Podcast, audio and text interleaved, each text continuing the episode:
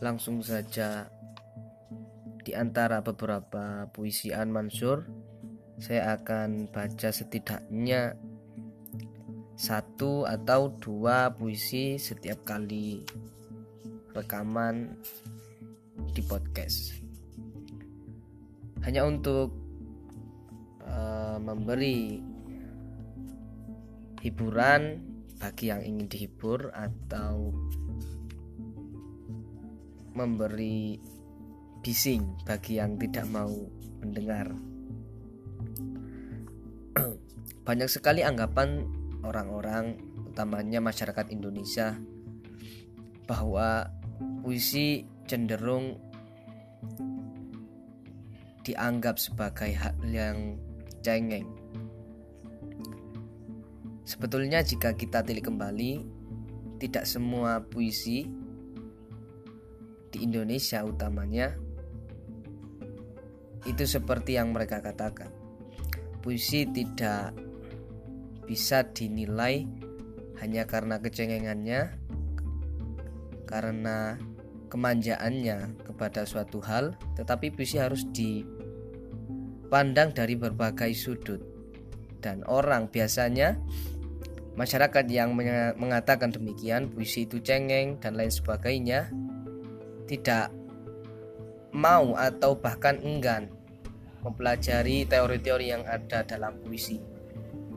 Pada dasarnya puisi dituntut untuk selalu memberi makna yang padat sesuai dengan perasaan penulis, penyair, namun seiring berkembangnya zaman, puisi masyhur di kalangan kaum muda, milenial, maka kemudian puisi seakan-akan dilibatkan dengan hal-hal yang menyangkut mereka seperti halnya cinta monyet atau cinta cinta dusta.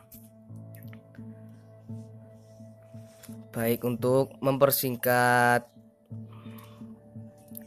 waktu saya bacakan satu puisi dulu di judul yang terletak di halaman pertama. Puisi pertama dalam buku tidak ada New York hari ini.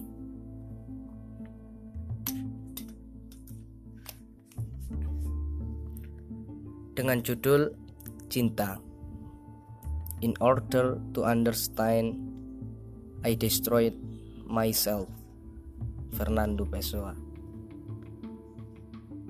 Hari-hari membakar habis diriku Setiap kali aku ingin mengumpulkan tumpukan abuku sendiri Jari-jariku berubah jadi badai angin Dan aku mengerti mengapa cinta diciptakan Puisi pertama berjudul Cinta. Lanjut puisi kedua.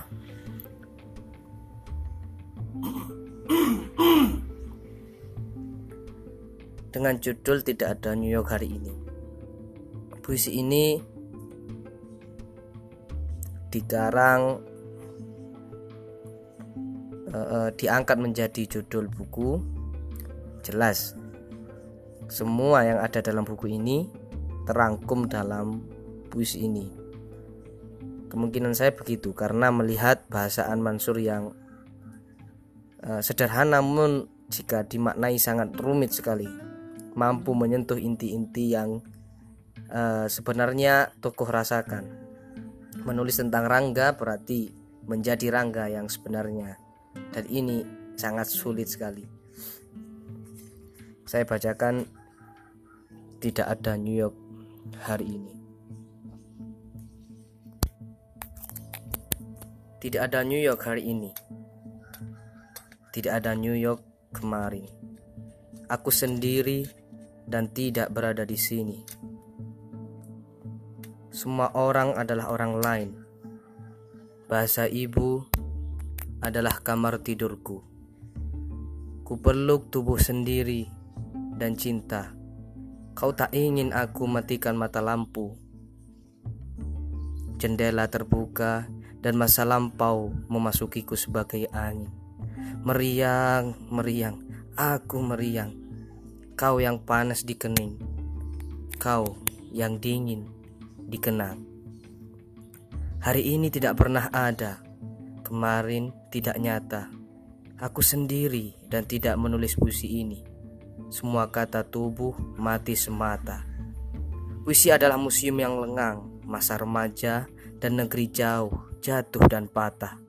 Foto-foto hitam putih, aroma kemeja ayah, dan senyum perempuan yang tidak membiarkanku merindukan senyum lain. Tidak ada pengunjung, tidak ada pengunjung. Di balik jendela, langit sedang mendung.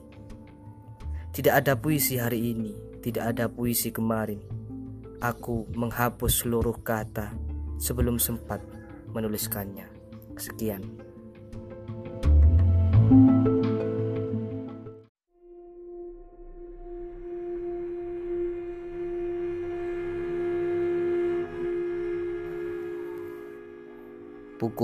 4 pagi. Tidak ada yang bisa diajak berbincang.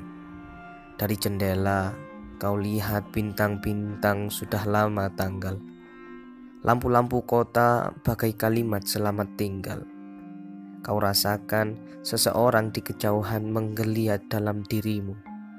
Kau berdoa semoga kesedihan memperlakukan matanya dengan baik.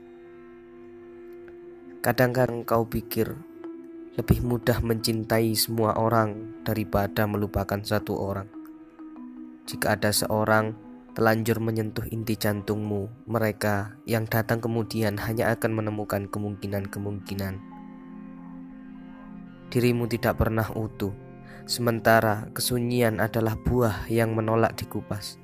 Jika kau coba melepas kulitnya, hanya akan kau temukan kesunyian yang lebih besar. Pukul 4 pagi, kau butuh kopi segelas lagi.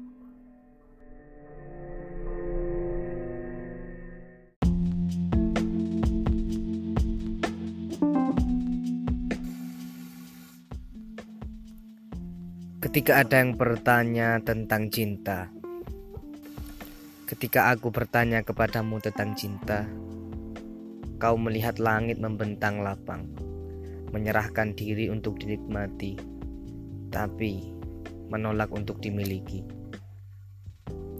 Ketika kau bertanya kepadaku tentang cinta, aku melihat nasib manusia terkutuk hidup di bumi bersama jangkauan lengan mereka yang pendek dan kemauan mereka yang panjang. Ketika aku bertanya kepadamu tentang cinta, kau bayangkan aku seekor burung kecil yang murung, bersusah payah terbang mencari tempat sembunyi dari mata peluru para pemburu.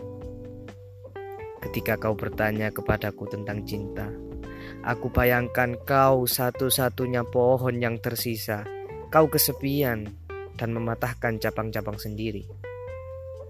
Ketika ada yang bertanya tentang cinta, apakah sungguh yang dibutuhkan adalah kemauan kata-kata, atau cukup ketidaksempurnaan kita?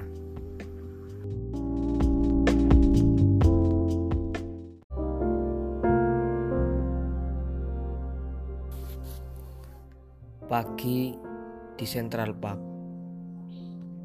Pagi di Central Park ada serimbun semak sedang berbunga, berembun dan merekah. Di dekatnya, di bangku taman, duduk tertidur seorang gelandangan, merengkuh tubuh, ringkih sendiri. Aku tidak tahu nama mereka. Aku seperti menyelami kesedihan lama yang hidup bahagia dalam pelukan puisi-puisi Pablo Neruda. Aku bagai menyelami sepasang kolam yang dalam dan diam di kelam wajahmu.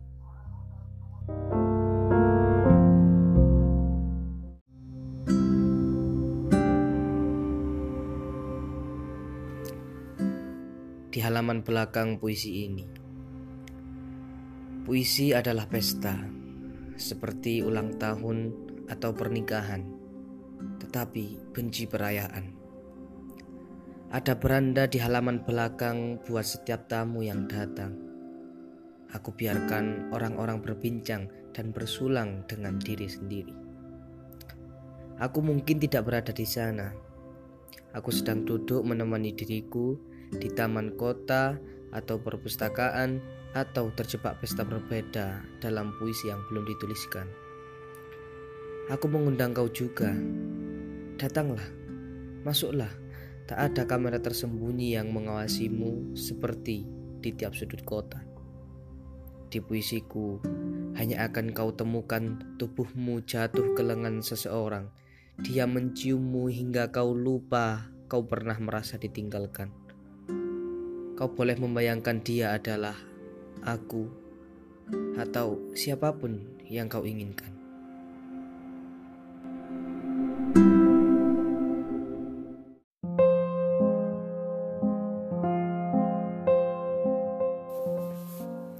Aku tidak pernah betul-betul pulang. Aku tidak pernah betul-betul pulang. Tidak bisa. Ke semua tempat ku seret tubuh sendiri sebagai petualang tersesat. Bahkan di negeri jauh tempat aku lahir dan seorang perempuan mengajariku tersenyum kepada diri sendiri. Tidak pernah ada rumah tidak ada. Cuma ada mimpi buruk dan sekali waktu terburu-buru membangunkan dan meminta aku pergi. Membelahku, mengubah ingatan jadi hukuman, meletakkan jiwaku di antara keinginan dan keengganan kembali, di antara perkara-perkara yang mungkin dan tidak mungkin selesai.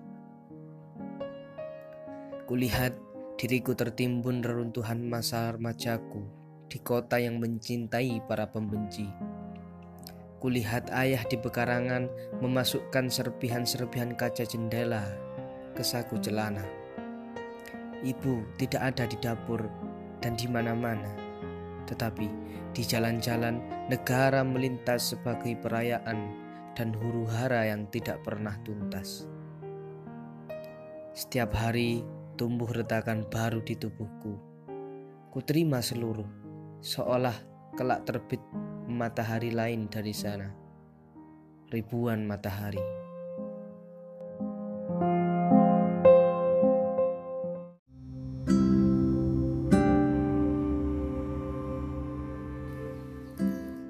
Bahasa baru. Di bawah langit yang sama, ada dua dunia berbeda Jarak yang membentang di antaranya menciptakan bahasa baru untuk kita. Tiap kata yang kau ucapkan selalu berarti kapan. Tiap kata yang aku kecupkan melulu berarti akan.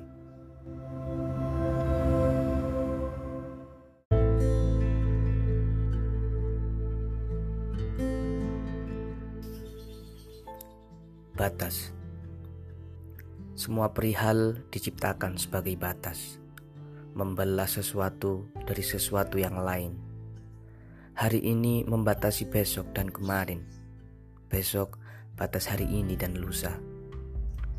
Jalan-jalan memisahkan deretan toko dan perpustakaan kota, bilik penjara dan kantor wali kota, juga rumahmu dan seluruh tempat di mana pernah ada kita bandara dan udara memisahkan New York dan Jakarta. Resah di dadamu dan rahasia yang menanti di jantung puisi ini dipisah kata-kata. Begitu pula rindu, hamparan laut dalam antara pulang dan seorang petualang yang hilang. Seperti penjahat dan kebaikan dihalang uang dan undang-undang. Seorang ayah membelah anak dari ibunya dan sebaliknya, atau senyummu, dinding di antara aku dan ketidakwarasan, persis segelas kopi tanpa gula, menjauhkan mimpi dari tidur. Apa kabar hari ini? Lihat tanda tanya itu, jurang antara kebodohan dan keinginanku memilikimu. Sekali lagi.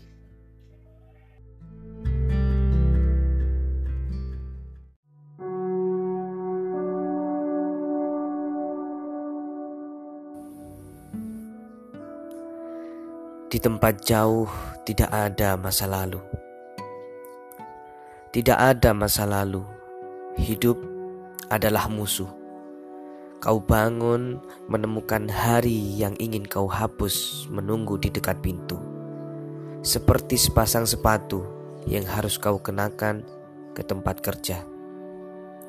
Wajah-wajah yang melewati jalanan sibuk itu separuh asing separuh milik seseorang yang tidur di kota yang menjauh dan terus mengabur di gerus kabar buruk. Andai saja perihal yang tersimpan dalam benak mengetuk pintu ingatan hanya bila dibutuhkan, seperti seseorang datang mengantar sekotak pizza ketika kau lapar dan cuma ada tumpukan piring kotor di dapur. Di tempat jauh tidak ada masa lalu, jarak antara kenangan dan masa depan ialah keterpisahan laut dan kalut di dada yang berusaha tidak meluap di mata. Tapi kau tidak pernah tahu, siang ini langit akan baik-baik saja atau badai datang menyerang sekali lagi. Kau tidak pernah tahu.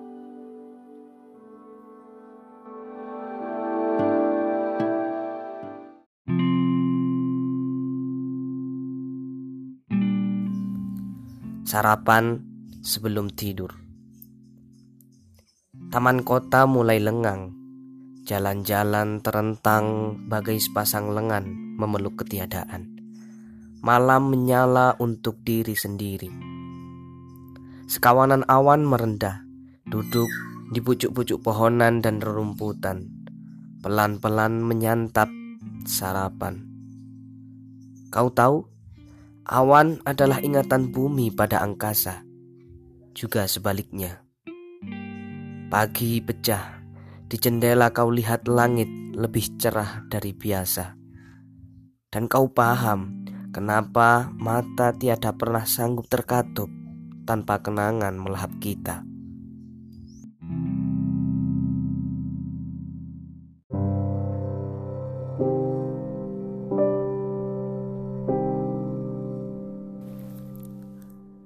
Sepasang matamu. Tiap benda di dunia memiliki hati, dan seorang penyair pernah berkata kepadaku, "Semesta sendiri pula memiliki hati."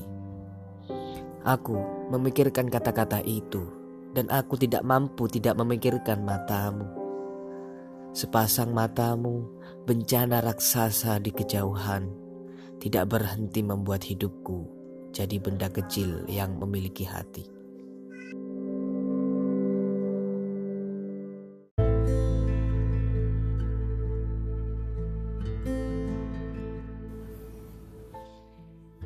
Puisi tidak menyelamatkan apa pun.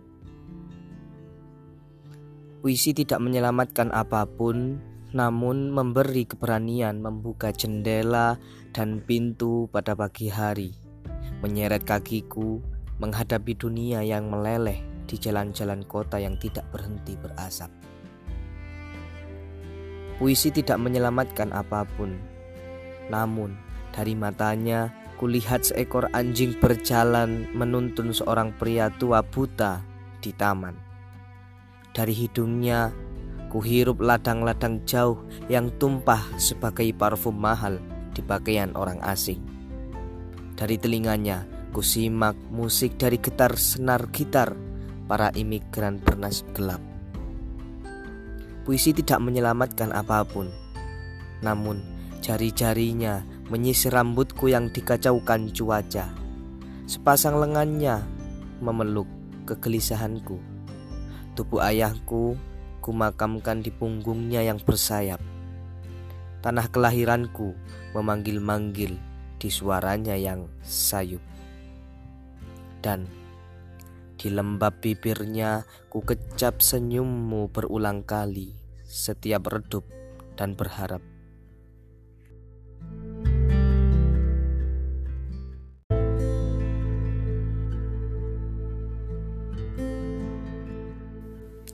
Tidak ada matahari senja di sini. Tidak ada matahari senja di sini kecuali yang terbit menjelang malam dari jendela gedung-gedung menjulang. Bersinar seperti senyum tiruan merahasiakan derita manusia ribuan tahun. Di jalan-jalan, orang gegas tak berani menatap langit, takut mengakui kemalangan sendiri. Mereka tidak paham kesengsaraan seseorang, kolam paling bening untuk memandang kesetiaan orang lain. Aku berhenti di depan kafe, menonton film bisu di kaca jendelanya. Tidak ada orang bicara. Bahasa melarikan diri dari lidah manusia pada jam-jam pulang kerja. Aku menunggu malam menghapus separuh diriku. Aku ingin menyelusuri jalan-jalan kota New York. Akan kubiarkan semua orang melewatiku. Aku tidak mau ada orang menoleh kepadaku. Aku tidak butuh wajah-wajah asing itu. Anak kecil dalam diriku ingin bermain tebak-tebakan. Punggung dan pinggang siapa paling menyerupai milikmu? Tidak ada yang peduli jika aku salah dan kalah berkali-kali. Tidak ada yang peduli, termasuk malam dan aku sendiri.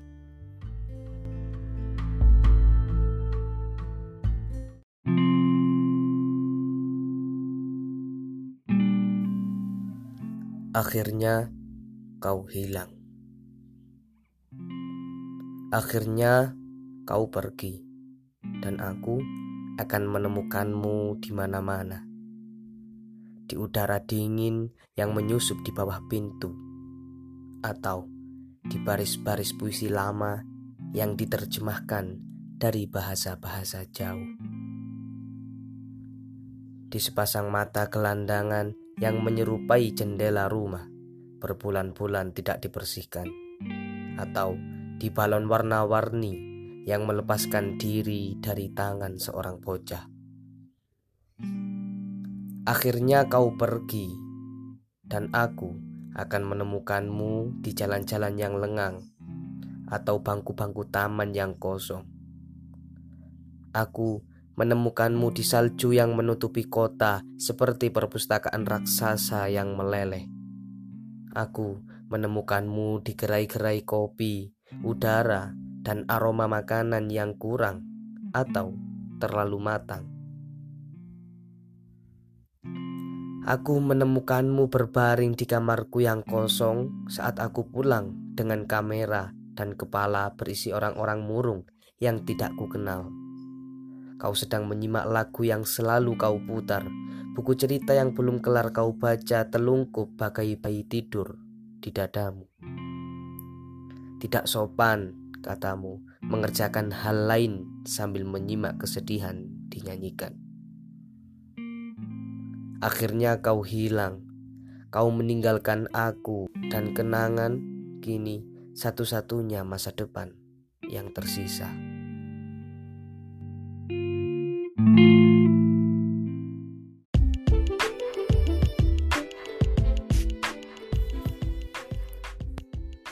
Pertanyaan tentang rindu untuk menghibur diri, aku sering berjalan sendiri menyusuri malam dengan kedua tangan selalu di saku celana. Kubayangkan kau bertanya, apakah kau takut kehilangan atau sedang mencari sesuatu? Kelak, datang satu pagi membawa jawaban kepadamu. Ketika mandi, kau tiba-tiba menyadari sungguh sudah lama jari-jariku tidak menyentuh tubuhmu.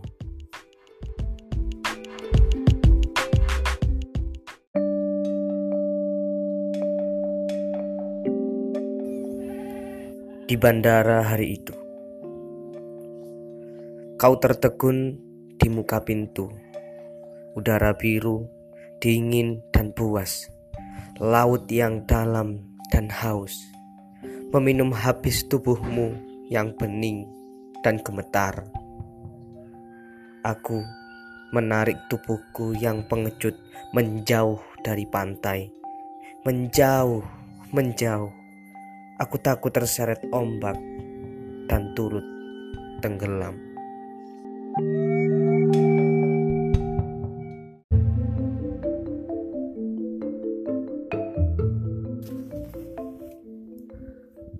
Suatu pagi di musim dingin, semua benda bicara jika kau mau menyimak. Namun, mereka mengatakan hal-hal yang tidak mau kau dengarkan. Pecahan-pecahan dirimu yang kau tolak. Kau hanya ingin berusaha mencintai hal-hal yang tidak bisa mengingatkanmu pada hari lalu. Dan seseorang di kejauhan yang bersikeras tidak hendak ditanggalkan. Tapi ada pagi ketika jari-jarimu memeluk gelas kopi hangat. Musim dingin meletakkan tangannya di pundakmu. Kau dengar musik entah dari mana. Alangkah sedih, alangkah indah. Tiba-tiba dari dalam dirimu ada laut bergolak hendak tumpah.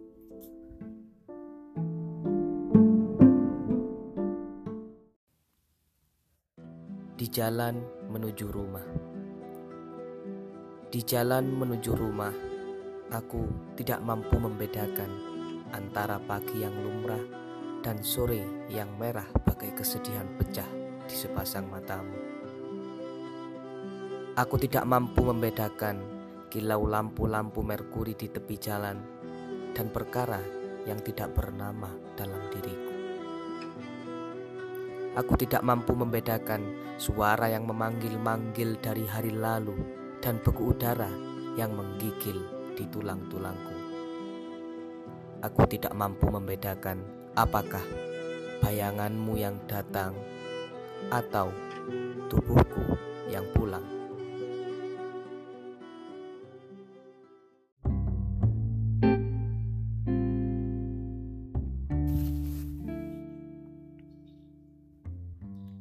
Aku membayangkan tubuh kekasih.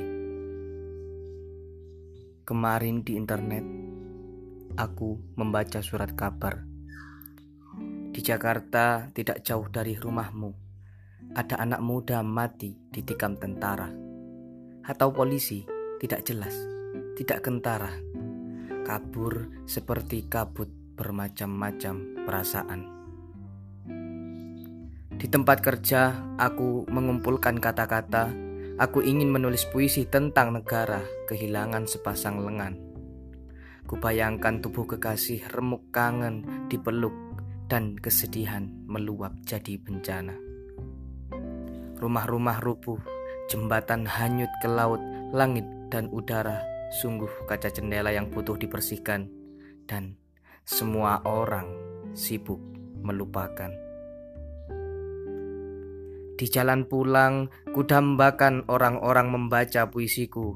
Mereka kagum dan terharu. Aku tersenyum dan menyapa semua orang asing yang melintas. Ketika tiba di rumah, aku menyeduh segelas kopi dan mulai menulis untukmu puisi yang lain.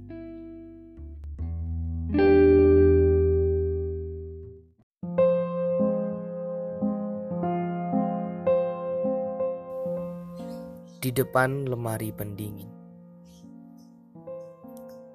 Ada waktu-waktu tertentu saat langit melihat semata ada aku berjalan sendiri ke mana-mana. Aku bicara perihal segala, tetapi kau tidak mendengar apa-apa. Kau berpikir, tetapi aku tidak bisa merasakan detak jantungku sendiri. Ada saat kau menemukan cinta adalah umbi-umbian di lemari pendingin. Mereka tiba-tiba bertunas meskipun sudah lama lupa rupa dan aroma tanah.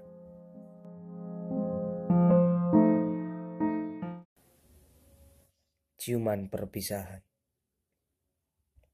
Tubuhmu pokok pohon paling kuat di hutan, pohon paling wangi, dahan dan daun-daunmu pelangi.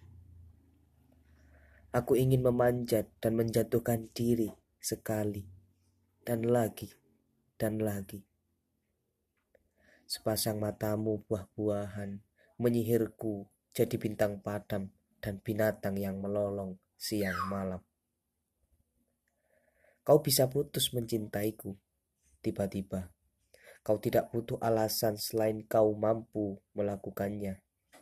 Dan kenapa tidak kau bisa pergi begitu saja?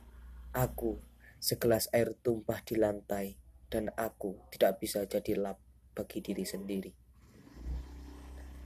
Ciuman itu, ciuman itu, aku terbakar jadi abu setiap malam, tapi sialan, kau selalu mampu menyusun tubuhku lagi sebelum pagi.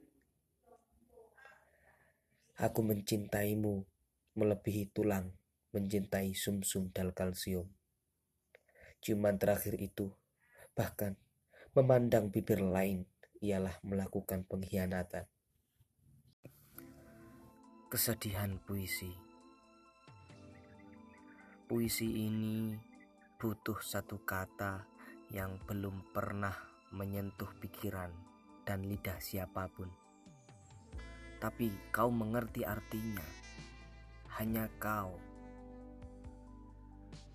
Aku ingin hidup di jantung kata itu sebagai kesedihan hampa yang jauh lebih berat dari seluruh kebahagiaan yang mampu manusia terima.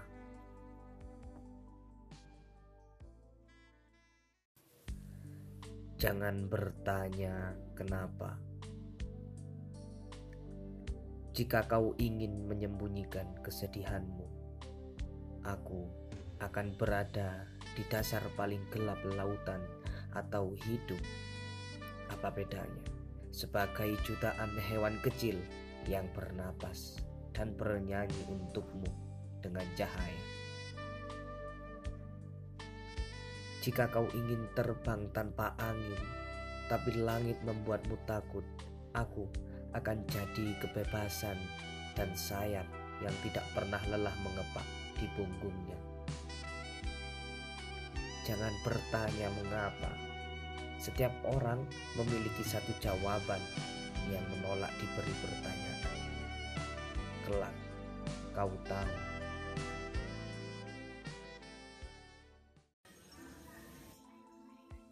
Di dekat jendela pesawat terbang, aku ingin menulis surat meminta maaf atas nama cermin dan kaca jendela langit, dan cahaya, juga segala yang tidak percaya kepada matamu pada pagi hari. Selamat pagi, apa kabar? Kenyataan ialah api yang berkobar di antara dadamu dan inginku, atau segala apa yang berkibar di antara anganmu dan tanganku. Di tempat sejauh dan sedekat ini tidak ada yang nyata melebihi hal-hal yang kabur dan mustahil disentuh. Apakah aku tidur di mimpimu? Mencintai ialah menenggelamkan diri ke dalam lautan hal kecil yang memiliki kekuatan besar membuatku bersedih. Setiap waktu atau aku takut kedalaman, kau tahu? menyaksikan hamparan hutan dari udara dan menyadari seluruh yang tampak hijau adalah kepedihan. Aku curiga pesawat ini sengaja diciptakan sebagai cara lain memusnahkan manusia dari bumi. Rumah terakhir bagi seorang yang kucintai ialah ingatan, memiliki kehilangan, bukti aku tidak pernah berhenti mencintaimu. Apakah kau akan berdiri di depan pintu saat aku tiba. Seperti biasa, merentangkan sepasang lengan yang selalu berharap ditubuhi.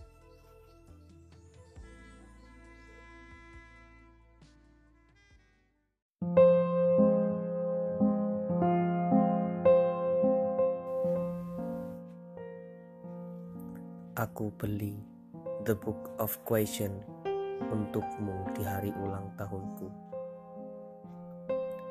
Apakah kau sedang merindukan seseorang? kasir toko buku itu, perempuan tua, bertanya ketika aku hendak membayar. Kau tahu, Pablo Neruda menulis 340 pertanyaan di buku puisi itu. Apakah kau sedang merindukan seseorang? Pertanyaan itu membuat jumlahnya bagai hitungan mundur. Setelahnya, kubayangkan ada ledakan. Aku dan toko buku itu akan hancur.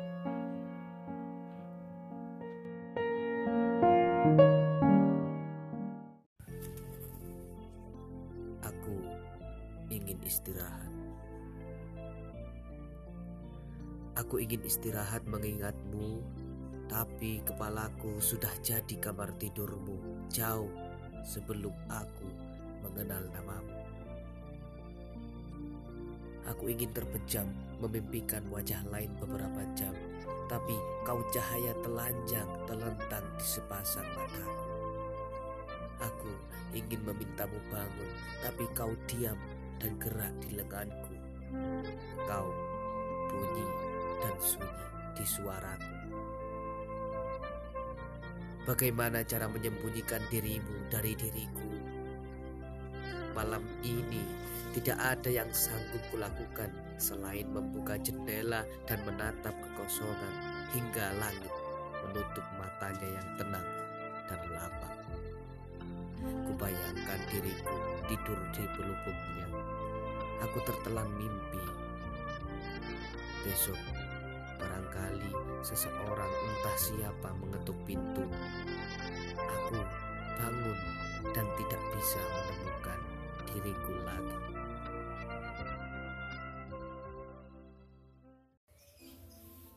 Aku senang memikirkanmu. Aku senang memikirkanmu. Aku senang menyaksikan angkasa perlahan-lahan jadi tenang dan terang.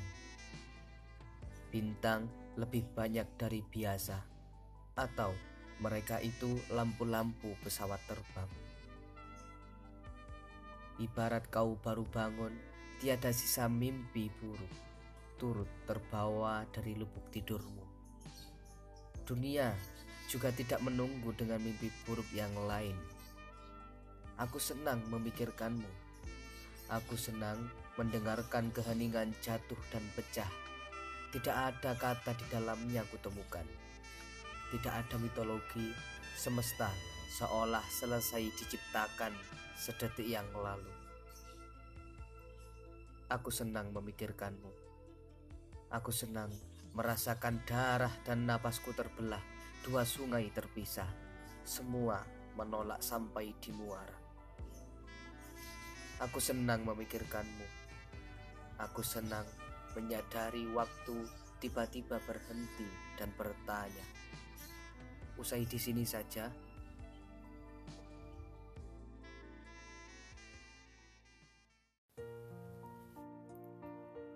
Memandang dunia dari jendela kafe. Langit mengenakan jepit rambutmu di mana-mana. Kilau lampu-lampu malam meminjam warna-warni dan bahasa dari matamu. Pintu toko masih terbuka menggoda para pelancong yang datang dari negeri miskin di seberang benua. Aku memandang dunia dari balik kaca jendela kafe. Tiada siapa pun di sini, sudah bertahun-tahun di sini dan di sana bertukar makna. Mabuk panjang selepas ciuman perpisahan dan penerbangan berjam-jam. Rindu, kau tahu, tidak mengenal waktu rehat, bagai pegawai toko yang sekedap hidupnya adalah utang yang harus dibayar besok siang. Bagai satu negeri sedang berjuang menebus jiwanya dari tangan orang-orang asing. Apabila aku lelah marah kepada dunia dan diri sendiri, kesedihan jadi sumur yang tidak sanggup kesuntuh dasarnya. Kusandarkan hidup yang redup di bahu bahasa ibu. Aku memandang dunia dari balik kaca jendela kafe. Aku sedang tidak ingin berduka. Aku tidak sedang diseduh sedih yang tidak hendak sudah ini. Aku ingin memikirkan kenapa hidup lebih sering menunjukkan diri sebagai kata benda daripada kata kerja. Langit mengenakan jepit rambutmu di mana-mana. Kilau lampu-lampu malam meminjam warna-warni dan bahasa dari matamu. Kelak, aku akan menulis beratus-ratus halaman buku puisi khusus mengenai matamu. Kelak.